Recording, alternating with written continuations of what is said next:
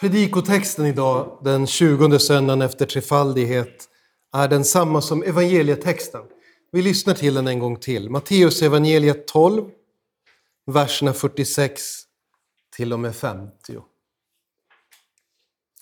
Medan Jesus ännu talade till folket stod hans mor och hans bröder utanför och ville tala med honom. Någon sa till honom, din mor och dina bröder står här utanför och vill tala med dig. Han svarade, vem är min mor? Och vilka är mina bröder? Han räckte ut handen mot sina lärjungar och sa, här är min mor och mina bröder. Den som gör min himmelske fars vilja är min bror och min syster och min mor. Amen. Herre, inskriv dessa ord i våra hjärtan. Amen.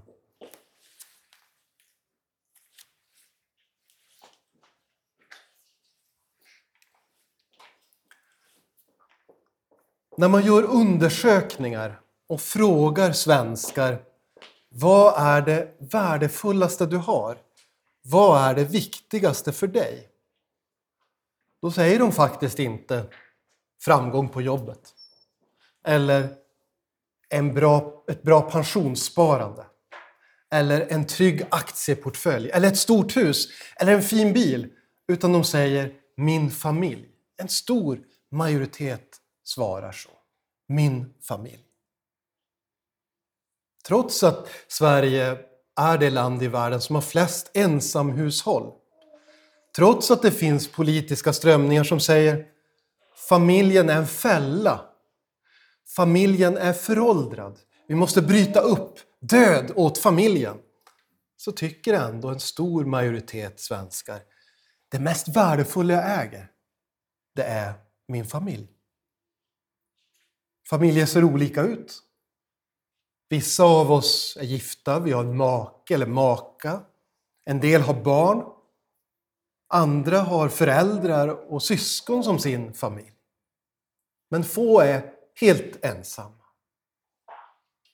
Ändå är det en väldig tröst för de som ibland kanske tycker att relationen till den jordiska familjen är svår. Att veta att vi också har en annan familj. En andlig familj. En andlig gemenskap. Det är en väldig tröst när vi går ut med evangeliet att också kunna erbjuda en familj. Inte bara andra som tycker som vi i viktiga frågor. Inte bara andra som delar våra värderingar. Inte bara andra som har en liknande bakgrund, utan familjemedlemmar. Bibeln uppmanar den kristna församlingen, den kristna kyrkan, att visa sån kärlek till varandra så att människor utanför ska bli förundrade och tycka, där vill jag vara med.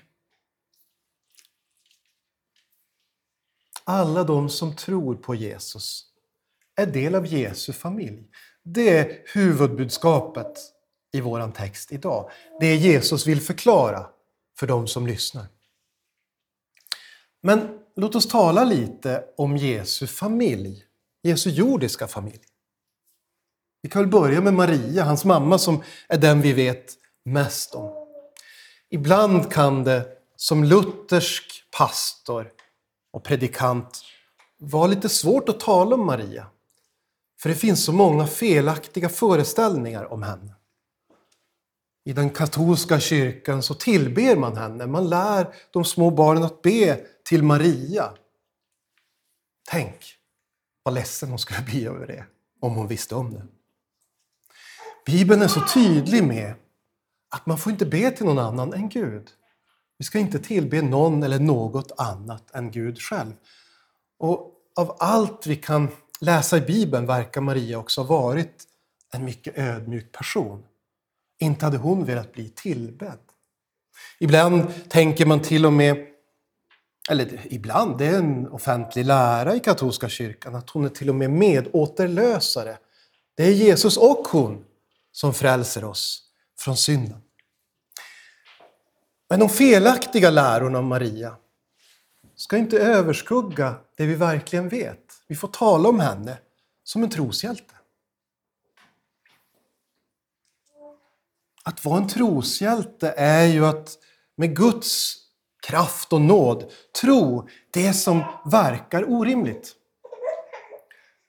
När Gud talar till Abraham och säger dina efterkommande ska bli talrika som sandkornen eller stjärnorna på himlen som du kan se. Då var det orimligt för Abrahams förnuft. Jag är barnlös, sa han. Hur ska det gå till? När Gud kallade Moses från den brinnande busken och sa du ska leda mitt folk ut ur slaveriet i Egypten. Det var ju orimligt för Moses. Jag är bara en person och jag har svårt att prata, sa han. Jag har så svårt att prata inför folk. Hur ska det gå? Men inget var större eller orimligare för förnuftet än ängelns budskap till Maria. Du ska föda en son. Trots att du inte ännu varit med någon man. Och din son kommer att bli världens frälsare. Vilket nådebudskap! Och vilket under att Maria tror på ängeln. På det sättet är hon en troshjälte. Genom Guds nåd tror hon på det orimliga, för det mänskliga förnuftet orimliga. Hon gömmer budskapet i sitt hjärta, står det. Det betyder inte främst att hon höll det hemligt, utan att hon värdesatte det. Det här får jag aldrig tappa bort. Och när hon lyssnar till Jesu undervisning så står det att hon gömmer det i sitt hjärta. När hon ser hans underverk. Hon gömmer det i sitt hjärta. Hon vill hålla fast vid det i tro. När Jesus hänger på korset, då talar han till Maria. Och så säger han åt henne, sitta på Johannes, min lärjunge. Nu är han din son. Och Johannes tittar på Maria. Nu är hon din mor. Ta hand om henne. Jesus ville att Maria skulle ha en andlig gemenskap. Inte bara en fysisk familj. Inte bara en släkt, utan en andlig gemenskap. Hur är det med Jesus syskon då? Ja, vi får höra en del om det i Bibeln. Vissa bibelkommentarer vill säga att de kanske är kusiner. Eller kanske barn från ett tidigare äktenskap som Josef hade. Det står ingenting sånt i Bibeln. Det rimligaste tycker jag är att anta att de är Josef och Marias barn. Men det finns en vilja att tänka att Maria bara fick ett barn, Jesus, för att man vill tala om henne på det här upphöjda sättet och tänker att det ska vara ännu finare. Men när vi läser i Matteus 13 då får vi höra om Jakob och Joses och Simon och Judas, Jesu bröder, och om hans systrar. Deras namn står inte upptecknade i Bibeln, men enligt traditionen ska de ha hetat Maria och Salome. Det vi få lära oss om Jesu bröder, och det kanske också gällde hans systrar, det var att de inte verkar trott på Jesus under hans levnadstid. Vi ser i Johannes 7 hur de utmanar honom. Ja, kan du göra underverk här? Varför kan du inte göra dem där borta också? Och hur de vid ett tillfälle är oroliga för hans mentala hälsa i Markus kapitel 3. De har svårt att tro på att deras bror skulle vara Messias. Och det kan man förstå. Det naturliga för människan, det är ju otro. Eller hur? Vi är ju alla fallna på det sättet. Men efter Jesu uppståndelse, då får vi höra om att de kommer till tro. I första Korintierbrevet 15 ser vi att Jesus talar och uppenbarar sig för Jakob. Och han kommer också att bli en viktig ledare för församlingen i Jerusalem, Jesu bror Jakob. En del tror också att Judas, hans bror, är den som har skrivit judabrev. Och vi kan nog vara ganska säkra på att Jakob, hans bror, skrev Jakobs brev. Jesu familj. De var liksom skilda från honom under hans tid fram till korsfästelsen. Förutom hans mor. Men sen ser vi att de kommer till tro efter uppståndelsen. Det är ett Guds under. Men det är också en varning för att det inte alltid som våra jordiska familjer är enade i tron. Vi ser det. Det är inte säkert att föräldrar och barn och släktingar är enade i samma tro. Och det är därför, bland annat därför, som Jesus understryker för sina lärjungar idag att faktiskt det allra mest värdefulla vi har, det är vår andliga familj. Jesus talar i vår text om att lärjungarna, hans lärjungar är hans sanna familj. Och så säger han att den som gör min himmelske faders vilja är med i den familjen. Han vill att de som lyssnar där den dagen ska förstå att för Gud så är släktskap inte viktigt. Vi ser ju hur han strider med fariséerna om det vid flera tillfällen. Jo, men vi är ju Abrahams barn, säger de. Inte kan väl Gud vara arg på oss? Vi är ju de som står allra närmast Gud. Genom att vi håller reda på vem som är släkt med vem i rakt nedstigande led. Det är inte det viktiga, säger Jesus, utan omvändelse. Ett ångerfullt hjärta och tro, det är vad Fadern vill ha. Det är också så, även om det är sorgligt att tänka på, hörni, att vår fysiska, vår biologiska familj är vi knuten till bara här i livet. Äktenskapets band som Gud vill ska vara livslångt upplösas i döden. Så den är faktiskt tillfällig, trots att den är så värdefull. Den andliga familjen däremot är evig. Och det är det Jesus också vill understryka i dagens text. Din andliga familj består.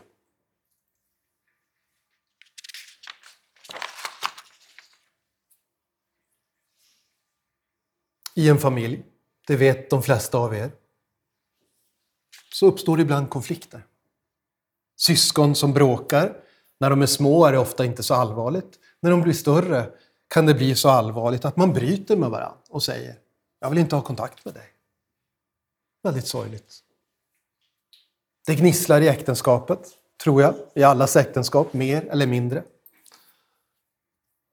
Man går igenom olika konflikter som man behöver lösa och hantera. Och ibland känner man kanske att man inte orkar hantera dem. Men också i den andliga familjen finns det konflikter. Djävulen vill inte att evangelium ska predikas och därför så gnisslar det även i den andliga familjen, i församlingen och i kyrkan. Helst av allt så vill ju djävulen att vi ska splittras och sluta samlas. För är vi ensamma så är vi inte så starka. Men Bibeln uppmanar de kristna att hålla fast vid den enighet som den heliga Ande har skapat. Håll fast vid Andens enhet, bevara den genom fridens band, står det i Fesiebrevet. Alltså, ha fördragsamhet med varandra. Förlåt varandra. Tyd saker och ting till det bästa. Om pastorn predikar otydligt, säg det till honom på ett vänligt sätt. Utmana honom inte inför församlingen så att han, som också är en syndare, direkt går i försvarsställning och vill försvara sin position, trots att han kanske har fel. Var rädda om varandra. Uppmuntra varandra.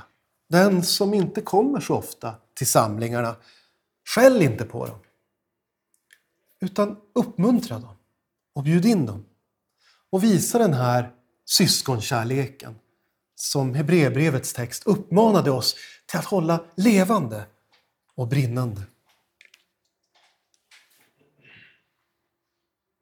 För den som mister sin biologiska familj så är den andliga familjen kanske känslomässigt ännu mer värdefull. Vilket erbjudande är att inte bara ha en förening eller en klubb, utan en familj. Vad menar Jesus med sin definition av medlemskapet i familjen? När han säger så här. Den som gör min himmelske faders vilja är min broder, min syster, min moder, min fader. vad, vad menas med det? Gäller att vi är tillräckligt goda? Gör tillräckligt många goda gärningar för att få vara med i familjen, i församlingen, i kyrkan?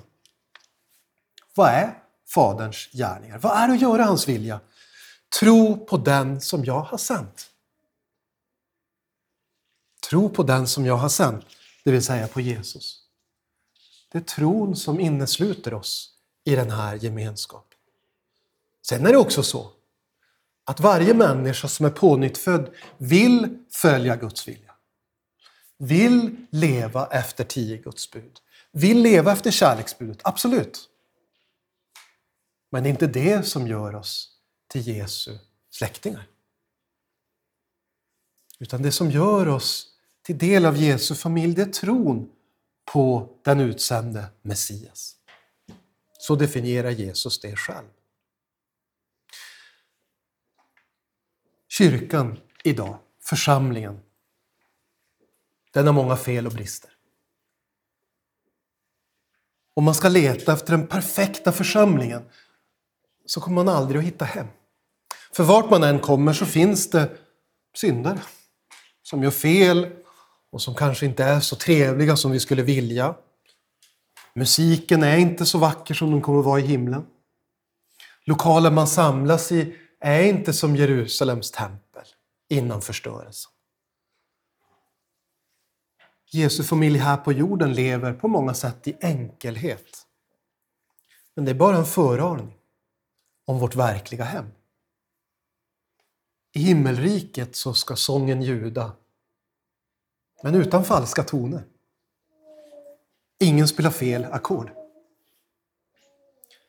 I himmelriket, när vi lyssnar till vår himmelske fader, då kommer vi inte ha svårt att koncentrera oss.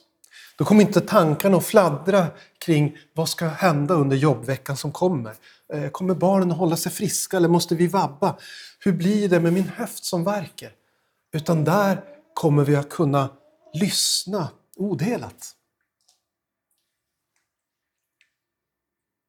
Vår gemenskap här på jorden med andra kristna är otroligt värdefull. Men vi blir besvikna på varandra ibland.